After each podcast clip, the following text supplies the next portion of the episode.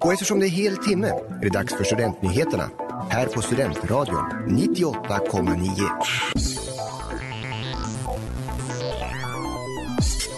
Stöd till nationer, debatt inför kårvalet och bandyfinaler. Det här är veckans nyheter. Uppsala universitet går nu in med mer ekonomiskt stöd till nationerna. Det rapporterar P4 Uppland.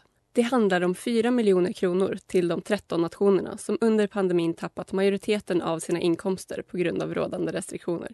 Universitetet har vid två tidigare tillfällen beviljat stöd till Uppsalas nationer, i juni respektive december 2020, då det båda gångerna rörde sig om 2 miljoner kronor. Men det har inte räckt. Flera nationer har nu startat insamlingar där man vänder sig till medlemmar och till allmänheten för att få hjälp att rädda nationshus och traditioner.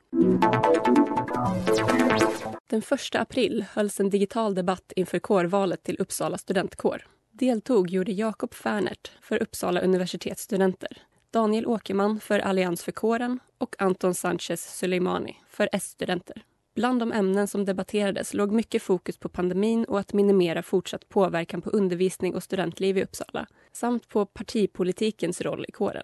Även kårens medlemstapp och eventuella legitimitetsproblem det för med sig stod på agendan. Kårvalet sker mellan 7 och 21 april och alla som betalat sin medlemsavgift innan 31 mars kommer få mejl med en länk till det internetbaserade valsystemet. Den 27 mars och den 3 april spelades årets bandyfinaler i Uppsala. I år spelades matcherna inte på studenternas IP, som vi tidigare sagt utan rätt är att matcherna i år genomfördes i Recoverhallen. Vann i både damernas och herrarnas final gjorde Villa Lidköping. Mårten Andersson, hur såg det ut på plats? Ja, det var, eh, det var inomhus den här gången, för första gången eh, på väldigt länge. Nu vet jag inte när det var senast, eh, men istället för att vara på studan så var det ju i Recovery-hallen, eller Elite-hallen. Den har bägge namn. Så det var väldigt lustigt att det var inomhus på bandyfinalen. Men det var det var inte så mycket journalister och det var ju, det var ju bara journalister och eh, folk till lagen och eh, matchfunktionärer på plats nu.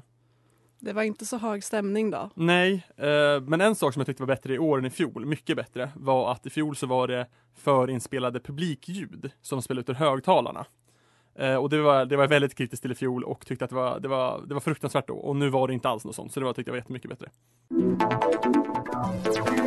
Du har lyssnat på nyheterna i Studentradion 98,9 med Amanda Jansson och mig, Elvira Oberger.